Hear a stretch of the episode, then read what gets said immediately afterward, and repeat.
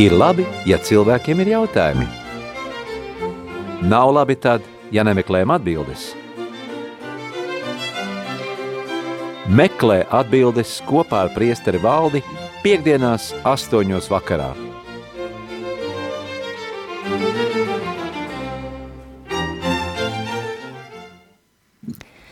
Kristus ir augšām cēlies.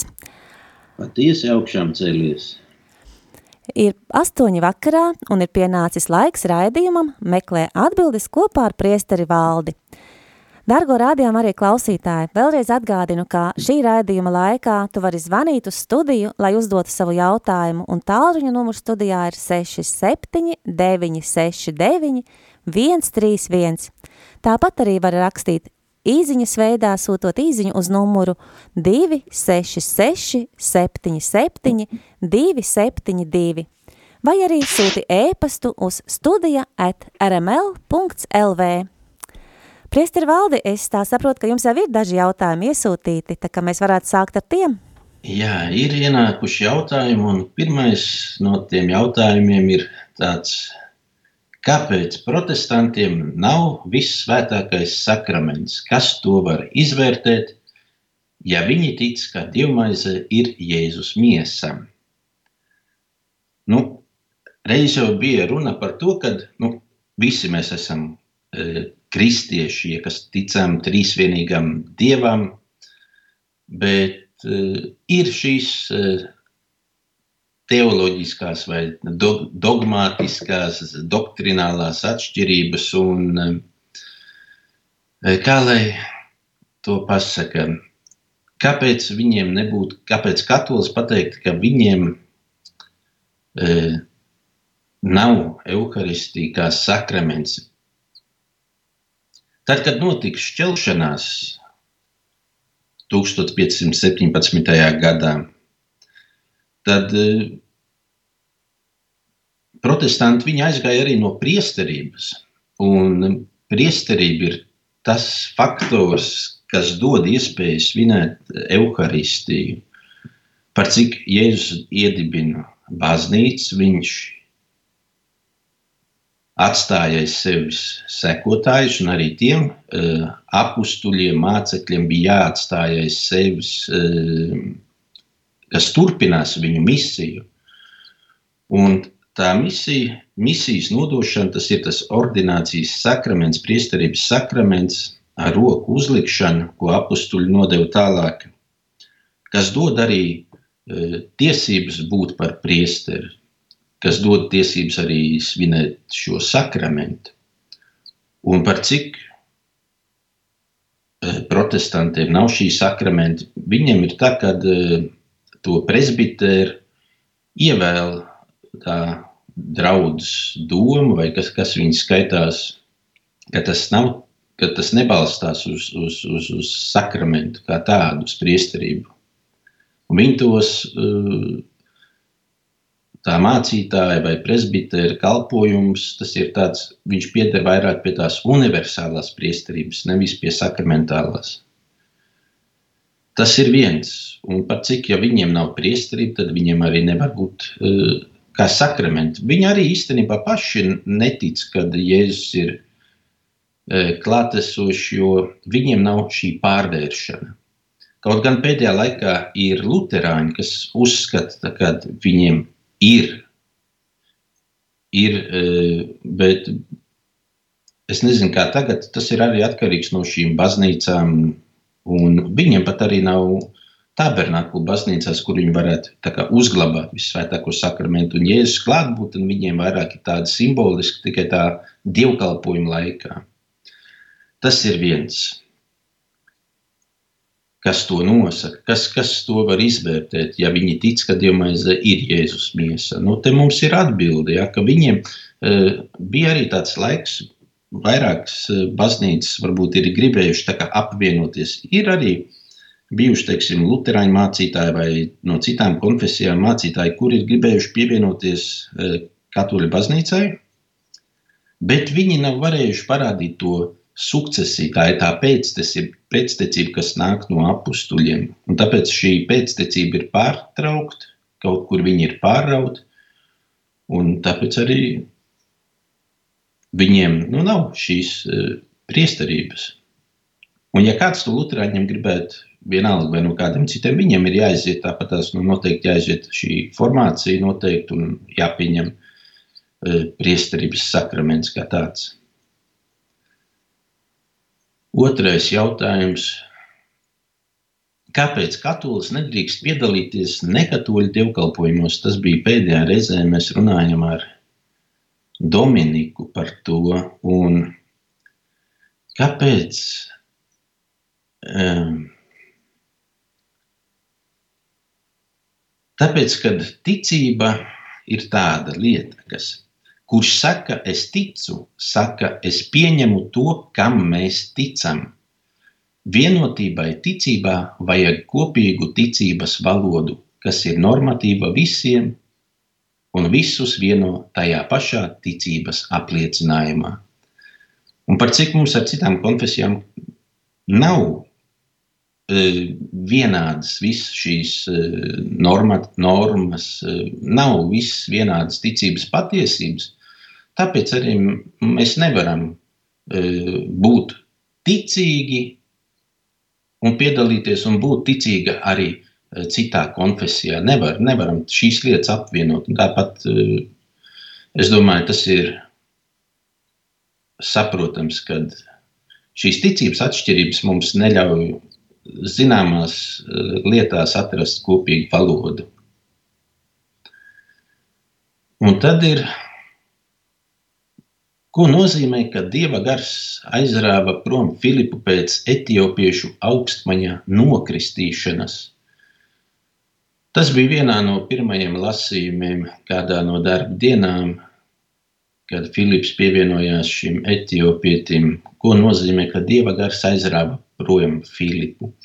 Nu, grūti to pateikt. Mums svētajos rakstos ir daudz tādas pārdabiskas lietas aprakstīts.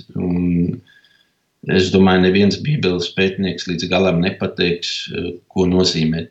Varbūt nu, mums ir šis pats Elija, tas ir arī ceturtais jautājums, ko nozīmē, ka pravietis Elijas uguns ratos tika uzņemts debesīs. Tā ir jūda, jau jūda tradīcija, un viņi tam ļoti tic, ka vēl sagaidīs, ka Elija atnāks, kā viņš tika paņemts. Kāpēc viņš tika paņemts? Tāpēc, ka viņš bija ļoti uzticīgs Dievam, un kad e, viņam nevarēja būt tāda miesas satrūdēšana, e, kā parastajam mirstīgajam, tāpēc viņš tika paņemts ugunsraktos debesīs. Par to pašu Elīju min arī e, citi pravieši. Un, un Filips par Filipu ir runa, kad grūti to pateikt. Tā varēja būt ekstāze, tā varēja būt, kā, kā evaņģēlis gribēja parādīt e, Filipu tādu īpašo arī darbību, ka viņš ir tikpat nozīmīgs kā kaut vai tas pravietis Elija, ja viņa vīzijā vai, vai, vai realitātē ir eņģelis, dieva eņģelis vai svētais gars pārceļ 20 jūdzes kaut kur citur. Ne, tās ir interesants lietas, bet eh, vai nu mēs viņus apšaubām, vai nu mēs viņus pieņemam ar ticību, vai nu, ja mēs kaut ko nesaprotam, mēs varam pateikt Dievam, no Dievs, es nesaprotu to, bet, nu, ja tā ir rakstīts, ko tu ar to gribēju pateikt, es varbūt vēl nesaprotu, bet eh, mūsu ticībai tas nav pats galvenais. Es domāju, mēs tagad varētu doties nelielā muzikālajā pauzē, un es redzu, ka mums jau ir daži jautājumi iesūtīti. Lūdzu, klausītāji, esiet aktīvi un sūtiet šos jautājumus. Ja jūs kautrēties zvanīt un uzdot tiešraidē šo jautājumu, tad varat arī uzzvanīt tagad muzikālās pauzītes laikā, lai uzdotu jautājumu, un tad es viņu pēc tam nolasīšu. Un tagad, lai skan dziesma, miers ar jums! Miers ar jums! Un žēlastībā no mūsu Kunga Jēzus Kristus pestītājā. Miers ar jums un žēlastībā no mūsu Kunga Jēzus Kristus pestītājā. Tāds ir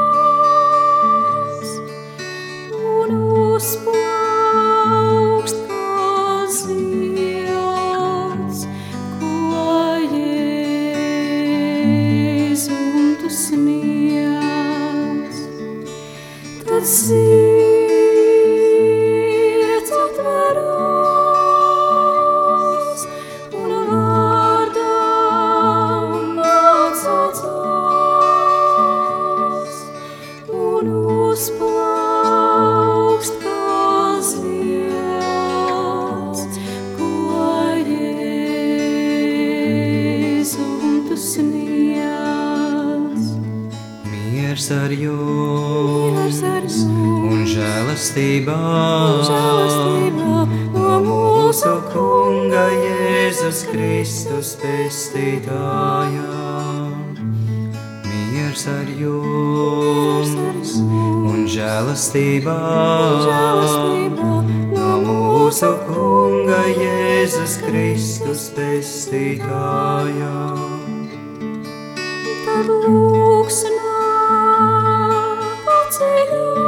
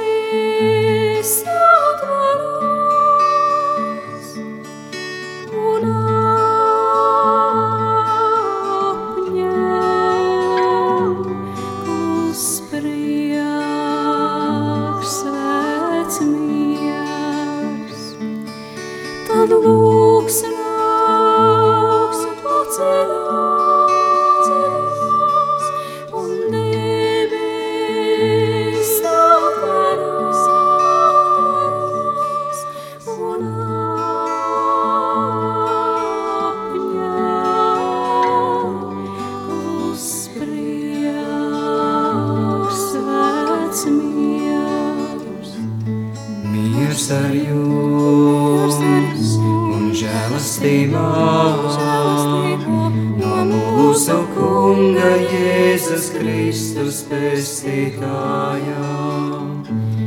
Miers ar jums un žēlastībā, no mūsu Kunga Jēzus Kristus pestītājā. Miers ar jums un žēlastībā, no mūsu Kunga Jēzus Kristus pestītājā. Miers ar jums un žēlastībā, no mūsu Kunga Jēzus Kristus pestītājā. Miers ar jums.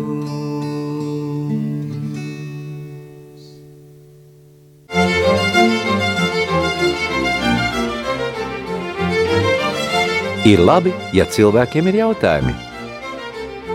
Nav labi tad, ja nemeklējam atbildes. Meklē atbildes kopā ar priesteri valdi piekdienās astoņos vakarā.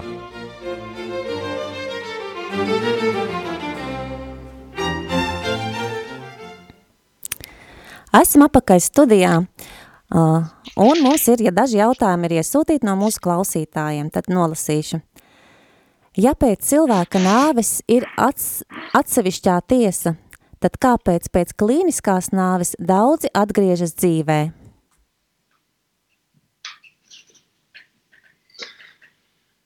Kliniskā nāve, nu, pēc kliniskās, kliniskajā nāvē jau nav tā tiesa, nenotiek nekas. Ja ir tā tiesa, tad tā notiek, kad cilvēks patiešām jau ir aizgājis, kad viņš vairs neatgriezīsies. Un Dievs pieļauj, es esmu dzirdējis vairākus cilvēku stāstus, liecības par to klīnisko nāvi, kas, kas notiek cilvēks tur. Viņš redz to situāciju, viņš redz arī savu garīgo situāciju, un Dievs viņam dod atpakaļ iespēju atgriezties pasaulē un dzīvot dzīvi tālāk. Bet tomēr vēl neviens cilvēks nav aizgājis uz turieni un palicis tur un devis ziņu, kā tas ir. Kaut gan ir, tomēr ir tādi svētie, kuri ir piedzīvojuši vīzijās mirušo, teiksim, tādu apciemojumu, vai nu viņi ir lūguši lūgšanu, vai nu viņi ir devuši padomu.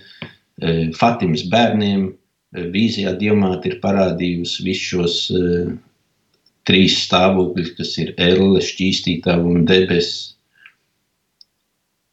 Kāpēc Dievs ļauj atgriezties? Noteikti, nu, lai cilvēks atgriežas ne tikai fiziskā, garīgā veidā atpakaļ uz, uz, uz pasaules, bet lai atgriežas tā īsti pie Dieva, lai zinātu, ka šai materiālajai dzīvei ir arī garīgas sekas, ja, kuras var būt nu, neatgriezeniskas mūžībā. Jo šīs dzīves laiks mums paiet, bet eh, tās sekas un augļus mēs redzēsim mūžībā. Un paldies par atbildi. Un nākošais šī klausītāja jautājums ir, kā var zināt, ka Dieva plāns ir, ka tikai caur priesterības pārmantojamību, sukcesiju var pārvērst maizi par Kristus miesu? Nu, tad jau eh, te mums ir pēdējo vakariņu apraksts. Jēzus saka, dariet to. Un ir mums arī pirmā vēstule Timotejam. Pirmā vēstule Timotejam, 14. pāns. Tim, e, svētais Pāvils raksta, bet tu paliec pie tā, ko esi iemācījies, un kam esi uzticējies, zinādams, no kā esi mācījies. Tu jau no agras bērnības pazīsti svētos rakstus. Tu, tu, tu, tu, tu, tu, tu. Kaut kur es esmu palaidis. Pirmā Timotejam, ceturtā nodaļa. Ceturtā nodaļa.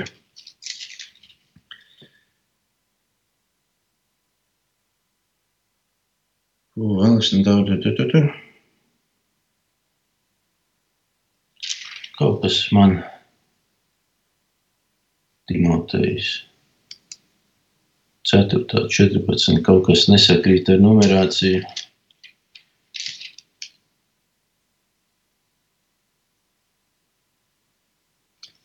Mm. Viss sakrīt. Viss sakrīt. Tad ir tā. Neesi nevērīgs pret dāvanu, ko esi saņēmis ar pravietojumu brīdī, kad presbiteri tev uzlika rokas. Roku uzlikšana tā bija nodot arī tālāk šo funkciju priesterim, eh, pravietim. Tā roku uzlikšana ir ļoti nozīmīga, un tāpēc tā bija arī eh, tālāk nodot šo eh, pēctecību. Un ja mums evaņģēlijā Jēzus to saka, ja, kad lai apstuļi tā arī darītu, lai turpinātu šo uh, svētās misijas minēšanu, svētdienās īpaši, tad uh, kāpēc mums apšaubīt to, ko Jēzus ir pateicis? Vai to, ko ir pateikuši svētie, ko ir pateicis kaut vai svētais Pāvils, pie kādas ticības viņi ir turējušies? Mēs varam visu apšaubīt.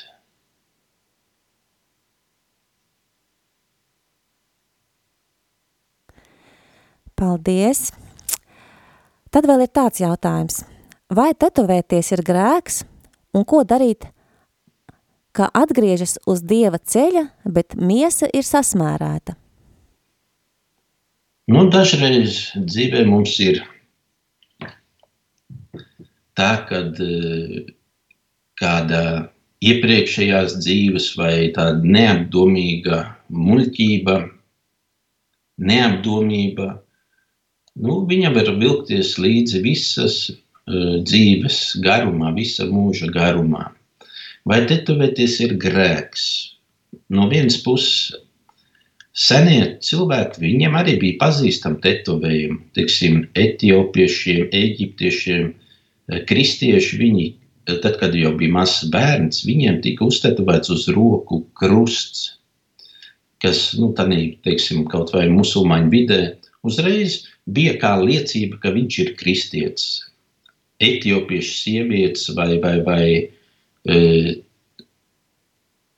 citi, mm, es neatceros, kurām vēl e, baznīcām, bet bija tetovējumi, gan bija pāri lūpām, gan bija uz pieras uztetovēti tādi krusti, e, kas bija kā ticības apliecinājums, ka viņi ir kristieši. Ja? Tā, tā, tā ir drosme, ja? tas, ir, tas ir ticības apliecinājums Un tādā ziņā, nu, protams, ka tetovējums var nebūt grēks tādā ziņā. Nu, atkarībā no ko mēs tetovējam, un pēc tam es nezinu, vai ir kaut kādas iespējas tos tetovējumus kaut kādā veidā balināt. Viens eksorcists teica, ka nevajag tetovēties. Mēs nezinām, kas tajās tušās ir iekšā, kam, kam kam viņas ir domātas, tās tušas, ar, ar kurām tiek taisīti tetovējumi. Nu, to es nevaru atbildēt, ko darīt tālāk, bet nu, ir jādomā laicīgi. Ja? Un, un ir arī, es zinu, ka ir cilvēki, viņi no sākuma, viņiem iepatīkās tetovējums, viņi paņem uztetuvē, bet ar laiku, tas tetovējums apnīk. Cilvēks paliek vecāks, āda sažūst, tad tetovējums vairs nav smūgs, vēl tās tintes arī viņas izbalē, un cilvēks pēc tam nožēlo. Bet, nu, tad ir jāsadzīvo ar to, kā ir. Es domāju, nu, tas ir viss, ko es varu atbildēt šo jautājumu. Jā, paldies. Tā, mūsu klausītājs jautā, vai var mainīt ticību no luterāņu uz katoļu, jo sirdī tuvāka tā šķiet pēdējā laikā. Ir atvērusies mana sirds, klausoties radio Marija, lasot mieram tuvu, bet esmu luterāņu ticības un apmeklēju luterāņu baznīcu. Nu, e, mainīt ticību. Protams, ka var cilvēks, kurš ir pilngadīgs un kurš pats pieņem patstāvīgi savus lēmumus, viņš var brīvi izvēlēties, kur, kurai konfesijai vai ticībai pievienoties. Un tādā gadījumā, ja grib, teiksim, te jau ne, e, pāriet no luterāņiem pie katoļiem, tas nenozīmē mainīt ticību, tā ir konvertēšanās. Un tad ir jāiet uz doto draugu, dzīves vietā, jāiet, jārunā priesteri un jāsaka, ka ir vēlēšanās konvertēties. Un tālāk tas viss ir tikai formalitātes. Es domāju, nu, tas ir skaidrs. Viss var sarunāt. Protams, kad uh, pašam tas jākārto, cits to uh, Otra vietā nenokārtos. Kaut kam bieži gadās arī, kad uh, cilvēks zvana un citu vārdā runā. Bet tas tā. Jā. Tad ir vēl viens jautājums. Kri Kristus augšām cēlies, patiesi augšām cēlies. Šorīt katehēzē māsa teica, ka šķīstītavā dvēselē būs lielākas ciešanas kā uz zemes. Kur ir glābiņš? Neviens nav bez grēka.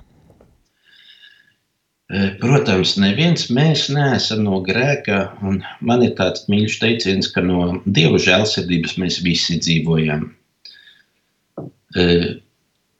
Lai nebūtu jācieš šķīstītavā, tad ir labāk, vislabākais veids svētdarīties jau šeit uz zemes, apzināties par to, ko mēs esam izdarījuši, to, ko mēs varam labot, to labot, kā saka, Dieva taisnība prasa arī restitūciju, lai mēs atlīdzinām nodarīto zaudējumu, un ko mēs nevaram darīt, to mēs saliekam Dievu rokās, un gandarīt, protams, tas ir vislabākais veids. Mēs vairāk neko citu arī nevaram izdarīt. Jā.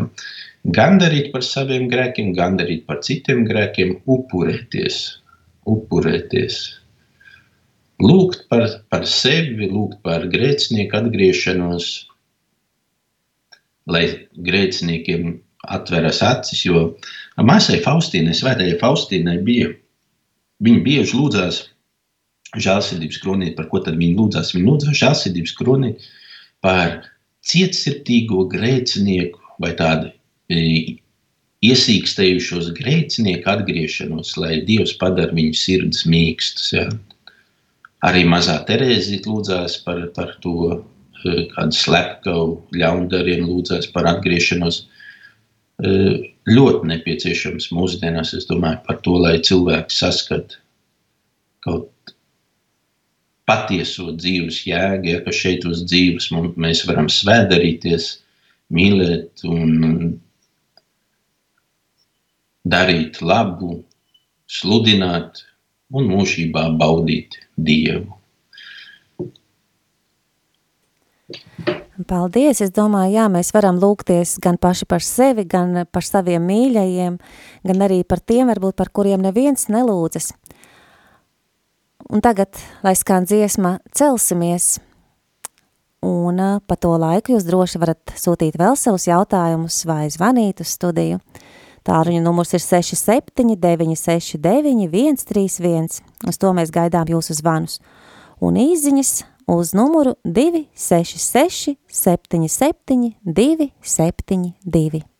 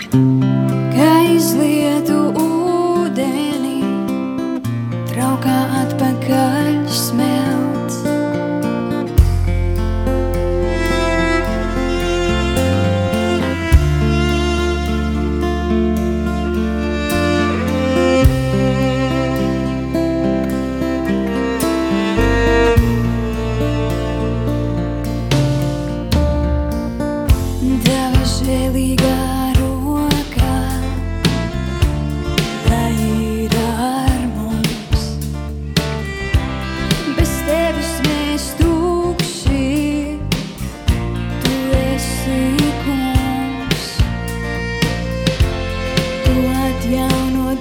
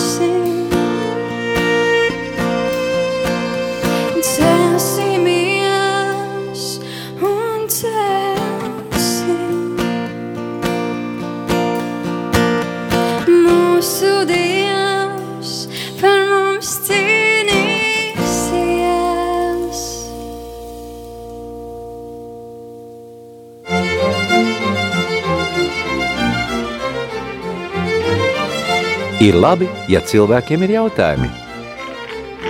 Nav labi tad, ja nemeklējam atbildes. Meklē atbildes kopā ar priesteri valdi piekdienās astoņos vakarā.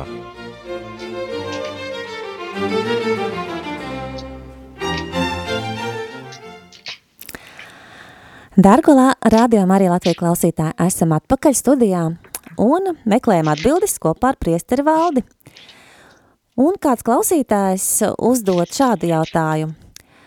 Kāpēc svētdienas skolā man mācīja, ka ja nonāc apstākļos, kur nav pieejama katoļu baznīca, tad drīkst pareisticīgo baznīcā lūgt un saņemt grēku sūdzi svēto komuniju, paskaidrojot savu situāciju pareisticīgo garīdzniekam? Jā, pareizi mācīja. Protams, kad uh, pareizticīgo baznīcā ir visi sakramenti un ir tā ir tas kopīgums ar, ar, ar austrumu Bizantijas rīta baznīcām, kuros, kurās ir viss sakramenti. Un, ja pareizi atceros, tur jāprasa no kanoniskajām tiesībām kādiem speciālistiem, bet bija tāds pants, kas paredz, ja kaut vai pareizticīgajam viņam nav iespējams trīs mēnešus piedalīties kādā savā tur rīta, mise, viņš var mierīgi doties pie katoļiem. Nav problēma. Tāpat tās ir vice versa, ja, kad ja katolim nav, viņš aizbrauc kaut kur, varbūt viņš ir pie, nezinu, Eģipte, pie koptiem vai Irākā vai kur, vai Libānā. Viņš var droši doties pie tiem, kuriem ir šie sakramenti un vēl jau vairāk, ja ir vienotība ar, ar, ar citu rītu baznīcām, ar, ar Romas katolisko baznīcu. Tur nav problēma. Runa iet par protestantiskajām baznīcām, kad nevar aktīvi piedalīties, jo viņiem nav visi sakramenti. Kaut gan, ja mēs nu, dažreiz, es nezinu, kā ir Latvijā, bet uh, Latvijā jau tādas problēmas nav, ka trīs mēnešus nav iespējams kaut kur piedalīties savu rītu uh, kopienā, bet, bet uh, Ir visādi. Tas ir atkarīgs arī dažreiz no kopja. Ja kāds aizbraukt kaut kur nu, uz citu valstu, kur pareizticīgie nevisai ir atvērti uz, uz, uz, uz kaut vai uz grieķu katoļiem vai katoļiem, nu, varbūt visādi. Bet pēc kanoniskajām tiesībām ir tāda iespēja. Jā, paldies. Un vēl ir jautājums, vai tas ir saprātīgi reāli lūgt, lai Dievs pasargā no Covid sērgas sēklām, ko ko cilvēkam ne, neiemāca gud, gudrība, to viņam iemāca ciešanas. Nu, vēl vienreiz es palūkšu to jautājumu nolasīt, jo viņš interesants salikts. Vai ir saprātīgi reāli lūgt, lai Dievs pasargā no Covid sērgas sekām? Bet, protams, Jo tālāk tas turpinās, ko cilvēkam neiemāca gudrība, to viņam iemāca ciešanas. Nu, tā jau ir dzīves atziņa ļoti Jā. prātīgi. Bet, nu, lūgties vajag, lūgt, mēs lūdzamies, jo, nu, citreiz ir tā, nu, cilvēks saslimst vienalga, nu, ar, nu, ja ne ar covid, nu, saslimst ar plauškārsu un vienalga kāda slimība, nu, lūdzamies, lai Dievs dod šo veselību žēlastību. Es kādreiz, kad eh, strādāju, mm, Romā, kad es biju kapelāns arī vienā no klinikām, bija māsas, kuras vadīja kliniku. Un es arī tā diezgan lielīgi saku, nu, veselība nav galvenais, veselība nav galvenais, tā nav absolūtā vērtība. Protams, nav viņa eh, veselība absolūtā vērtība. Cik daudz svētie ir svētdarījušies uz ciešanu kultus, un ir tādi piemēri mums arī baznīcas vēsturē, un ir daudz svētie, kuri ir aizgājuši jauni gados, un nu, vienalga, bet viņi ir sasnieguši tādu tuvību ar Dievu, kad nu, viņiem Dievs ir bijis galvenais. Bet man viena no māsām saka, jā, bet tad, kad tu esi vesels, tu vari kalpot tuvākam. Ja? Tāpēc nu, veselība arī ir dāvana. Mēs par, par katru dievu dāvanu mēs tomēr uh, atskaitīsimies ja? Uh, mūžībā un, un, un par to, kā mēs esam izmantojuši šīs dāvanas vai kā mēs esam palīdzējuši tiem vai nepalīdzējuši tiem, kuriem šīs dāvanas nav. Te mums ir atkal e, Mateja evaņģēlī beigās, kur ja es saku, jūs esat darījuši vienam no maniem vismazākajiem brāļiem, to jūs man esat darījuši, ko jūs neizdarījāt vienam no maniem mazākajiem brāļiem, to jūs man neizdarījāt. Bet lūk, tas, protams, veselība, ja mums ir tāda iespēja un cerība viņu atgūt, tad lūgties var, ja nav iespējams, tad ir citi nodomi, kādus varam lūgties. Un vēl nedaudz par lūkšanu. Ja cilvēks nodarbojas ar melno maģiju, vai par viņu nevar priesterim lūgt aizlūgumu slimības gadījumā? aizlūgumu. Nu, mēs varam lūgt aizlūgumu, lai tas cilvēks vismaz pirms nāves vēl lai izlīgst ar Dievu, nožēlo to, ko ir teiksim, darījis ļauni, jo tās saistības ar, ar nu, ļauniem spēkiem viņas nu, ir ļoti spēcīgas, bet tur vajag lielu dievu žēlastību, lai tāds cilvēks atgrieztos. Jā, var lūgties, var pat mīsli nosvinēt par cilvēku atgriešanos. Bet kur tā lūkšana aizies, tas jau ir dievam zināms. Jā. Vai tā lūkšana mums liksies, ka viņi ir uzklausīti vai nav uzklausīti, Dievs jau savu žēlastību aizsūtīs tur, kur viņi ir vajadzīgi un kur viņš uzskato par, par vislabāko. Paldies! Un uh, Kāds klausītājs raksta? Vēstulē ebrejiem 12, 14, 17. Izlasot, rodas jautājums, vai glābšana, glābšanu tik viegli var pazaudēt, piemēram, ēsavas pirmdzimtību pārdeva par vienu ēdienu, bet meklēja ar asarām, tomēr tika atmests. Šo rakstu vietu gribētu saprast labāk. Tur droši vien ir dziļāka doma. Mm. Vēstule ebrejiem 12, 14. Uh. Meklējiet mieru ar visiem un svētumu, bez kura neviens kungu neredzēs. Mm. Raugieties, lai neviens neatkrīt no dieva žēlastības, lai neuzaug rūkta sakne, radot nesaskaņas, caur kurām daudzi tiktu aptrēpīti. Lai neviens nekļūst tik izvirtis un pasaulīgs kā Ezaus, kurš par vienu ēdienu pārdeva savu pirmdzimtību. Te ir tāda alūzija, ko mēs varam saskatīt Nu, pirmais ir meklēt svētumu, bez kura neviens kungu neredzēs. E, es atceros, maģistrs novicijātā man, nu, mums visiem tiem audzēkņiem uzdeva tādu jautājumu, nu, ja baznīcā tiek uzdots jautājums, kurš grib būt svēts, paceliet rokas. Nu, neviens nepaceļ roku, jo cilvēkiem liekas, ka būt svētam, tas ir būt jocīgam, tas ir kaut kāds tāds nu, dīvains. Viņš nerīkojās kā visi, viņš ir kaut kur ārpus uh, sabiedrības rāmjiem. Bet, ja uzdod jautājumu, kurš grib nonākt debesīs, tad visi paceļ rokas. Ja?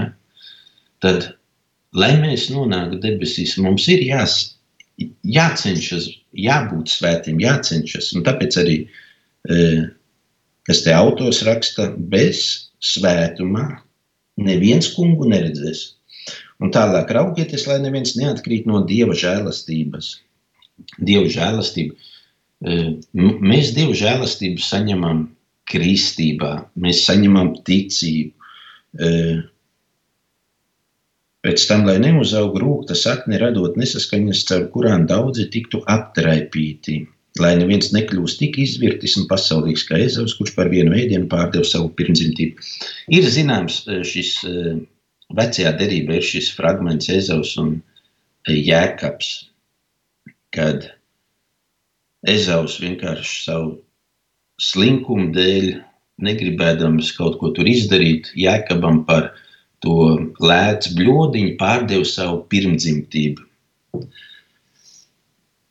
Un tā ir tāda alūzija, ka mēs savu žēlastības arī mēs varam pazaudēt, izvēloties kaut ko mīsīgu, lai apmierinātu savus iekārus, lai apmierinātu savu kaut kādu labsajūtu. Un ieslīgstot šitā te grēkos, mēs varam pazaudēt, mēs varam pazaudēt pestīšanas žēlastību, dzīvojot grēkos, izvēloties to, kas miesīgs pār tam, kas ir svēts, kas ir garīgs.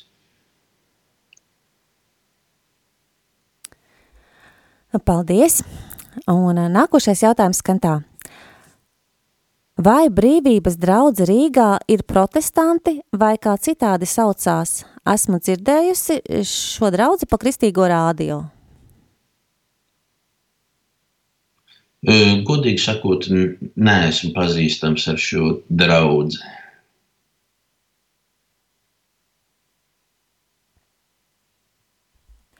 Tad ir vēl jautājums, vai atbalstīt vardarbību pret dzīvniekiem ir grēks? Eh, kā mēs to saprotam, atbalstīt vardarbību. Piedalīties, atbalstīt, būt pasīvam, eh, neiejaukties, jā, tas būtu grēks. Bet, ja mēs to vardarbību teiksim, uzskatām, nezinu, teiksim, pret cilvēku iet medībās, jā, nu, normāli viņi medī e, meža zvērus, vai vienalga, vai ir tās saucamās cūku bēres, ja, kad tiek nokauts, e, nokauts dzīvnieks, ja, lai būtu gaļa, lai būtu āda, lai būtu kas ēdams. E, Tā nebūtu vardarbība, bet ir bijuši gadījumi, kad cilvēki vienkārši tikai, e, lai kaut kādā veidā justos pārāk spīdzina, ja, e, dzīvnieks, dzīvu radību. Nu, nav jau ne tikai dzīvnieks spīdzina, spīdzina arī cilvēks. Ir visādas tādas patoloģijas, anomālijas. Un atbalstīt tādas lietas, protams, ka ir grēks. Pat neiejaukties, neko nedarīt lietas labā, netraucēt. e, Tā ir tāda pasīva līdzdarbība. Paldies, un paldies klausītājiem par jautājumiem. Droši sūtiet vēl. Jautājums mums vēl ir nedaudz laika atlicis šai raidījumā, bet tagad, lai skan dziesma, paceliet balsis, slavējiet.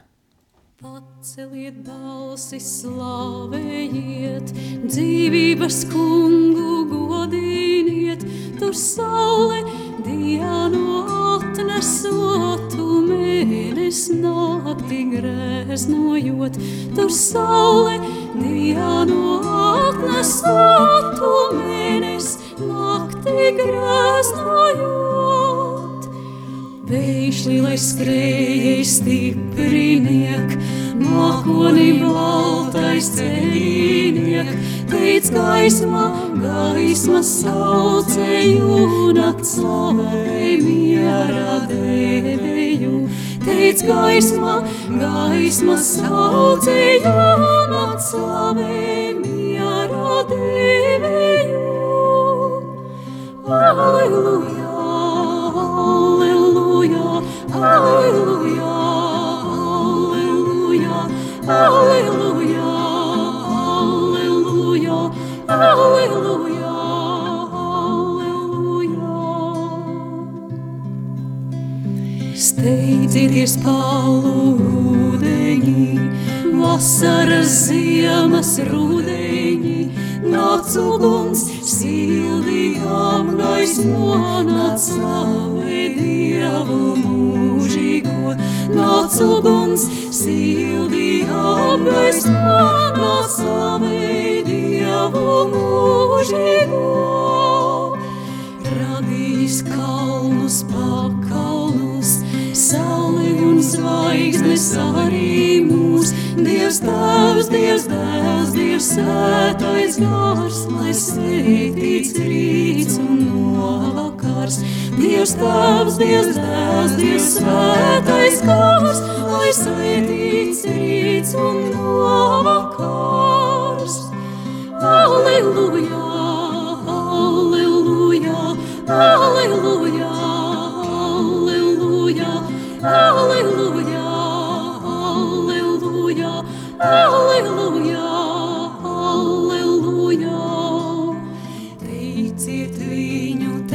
Sveicināt viņu, Alle!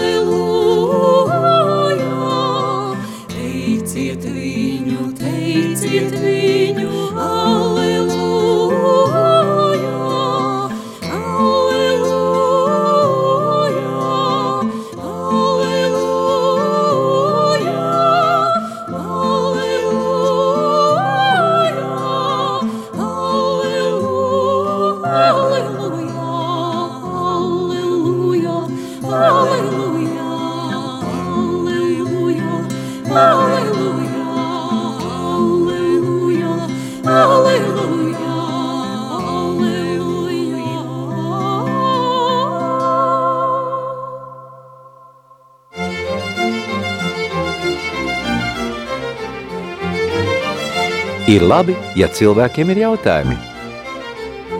Nav labi tad, ja nemeklējam atbildes. Meklē atbildes kopā ar priesteri valdi piekdienās astoņos vakarā.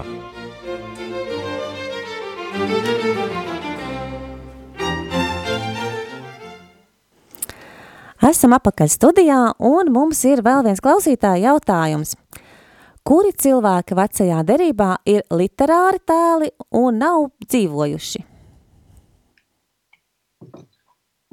Vecajā derībā nu, to tēlu varētu būt nu, grūti mums pateikt, kuri ir, kuri nav, jo vēsturiskie fakti mums nesniedzas tik tālu. Kaut kādi pierādījumi ir iespējami tēli, un ir arī daudz, kas ir vēsturiski. Nu, kā lai to pasaka? Ir soļu grāmatā vai tiesneša grāmatā, ir arī teiksim, pasaka, ja, kad tur ir, kur tie koki novācās, izvēlēties sev ķēniņu. Protams, ka tas ir nereāls fakts, bet uh, noteikti ir, ir daudz tēlu, kur, līdz kuriem mēs netiekam, ja, kurus mēs varam tikai pieņemt.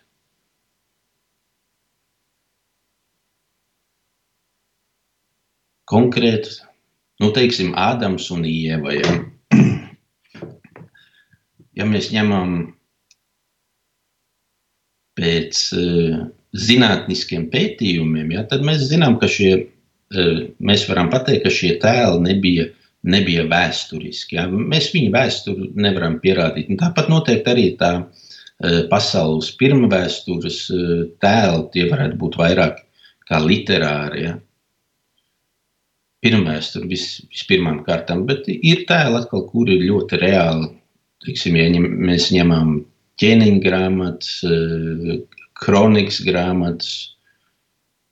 Nu, tā ir ļoti bagāta īstenībā, kas saka, dārguma raktu, kurā mēs varam skatīties šos tēlus. Ja? Bet līdz visiem mums noteikti mums būs vienkārši līdzekļi, instrumenti mums nepietiekami, lai mēs varam pierādīt vai apgāzt daudzus no tiem svēto rakstu tēliem, kuri ir pieminēti nu, pa tiem pašiem vārdiem. Paldies, paldies par atbildi. Un vēl tāds jautājums, vai drīkst lūgt par cilvēku, par kuru, tā kā es nezinu, vai viņš ir kristīts vai nav kristīts, un mums ticamāk, ka nav nemaz kristīts, un tā kā viņš nekad arī nav bijis baznīcā, vai es varu lūgties par tādu cilvēku, vai es varu pasūtīt svēto misi par viņu? Par jebkuru cilvēku mēs varam lūgties. Man reiz gadījās iet, teiksim, pa māju ģimeņa svētīšanu, un es nonācu vienā musulmaņu dzīvoklī. Un tad tur man arī musulmanieti, viņi saka, viņi strādā slimnīcā. Nu, vai viņi drīkst lūgties par kristieti, kurš tajā brīdī mirst? Ja? Nu, es saku, kāpēc gan nē? Mēs varam lūgties par jebkuru cilvēku. Ja mēs uh, vēlamies viņam uh, pestīšanu, mēs viņam vēlamies labu, uh, ja mēs skatāmies, varbūt cilvēks kaut kur nomaldījies no ceļa, mēs taču viņam vēlam, lai viņš atgriežas. Katram cilvēkam Dievs grib katru cilvēku pestīšanu, un tāpēc mēs varam lūgties arī par to, lai katrs cilvēks būtu pestīts. Nav svarīgi, vai viņš ir kristīts vai nav kristīts. Dievam var būt arī savu ceļu, kā viņš var atpestīt to pašu nekristīto, kas viņu nepazīst. Es domāju, pilnīgi pietiek Dievs tādā ziņā uh, tas ir viņa rūpes atpestīt katru, un tas ir labi, ja tās ir arī mūsu rūpes. Paldies, paldies, priesteri Valdi, par jūsu atbildēm. Šobrīd mums vairāk jautājumu nav, un tā kā pulkstens ir jau bez deviņām minūtēm deviņi vakarā, es domāju, ka mēs šovakar varam atvadīties no mūsu klausītājiem. Ar jums šovakar kopā biju es, Rita. Un priesteris Valdis uz tikšanos pēc nedēļas. Un droši sūtiet savus jautājumus jau šīs nedēļas laikā uz e-pastu studija at rml.lv. Lai jums visiem svētīgs šis vakars un svētīgas brīvdienas. Ar Dievu! Ar Dievu!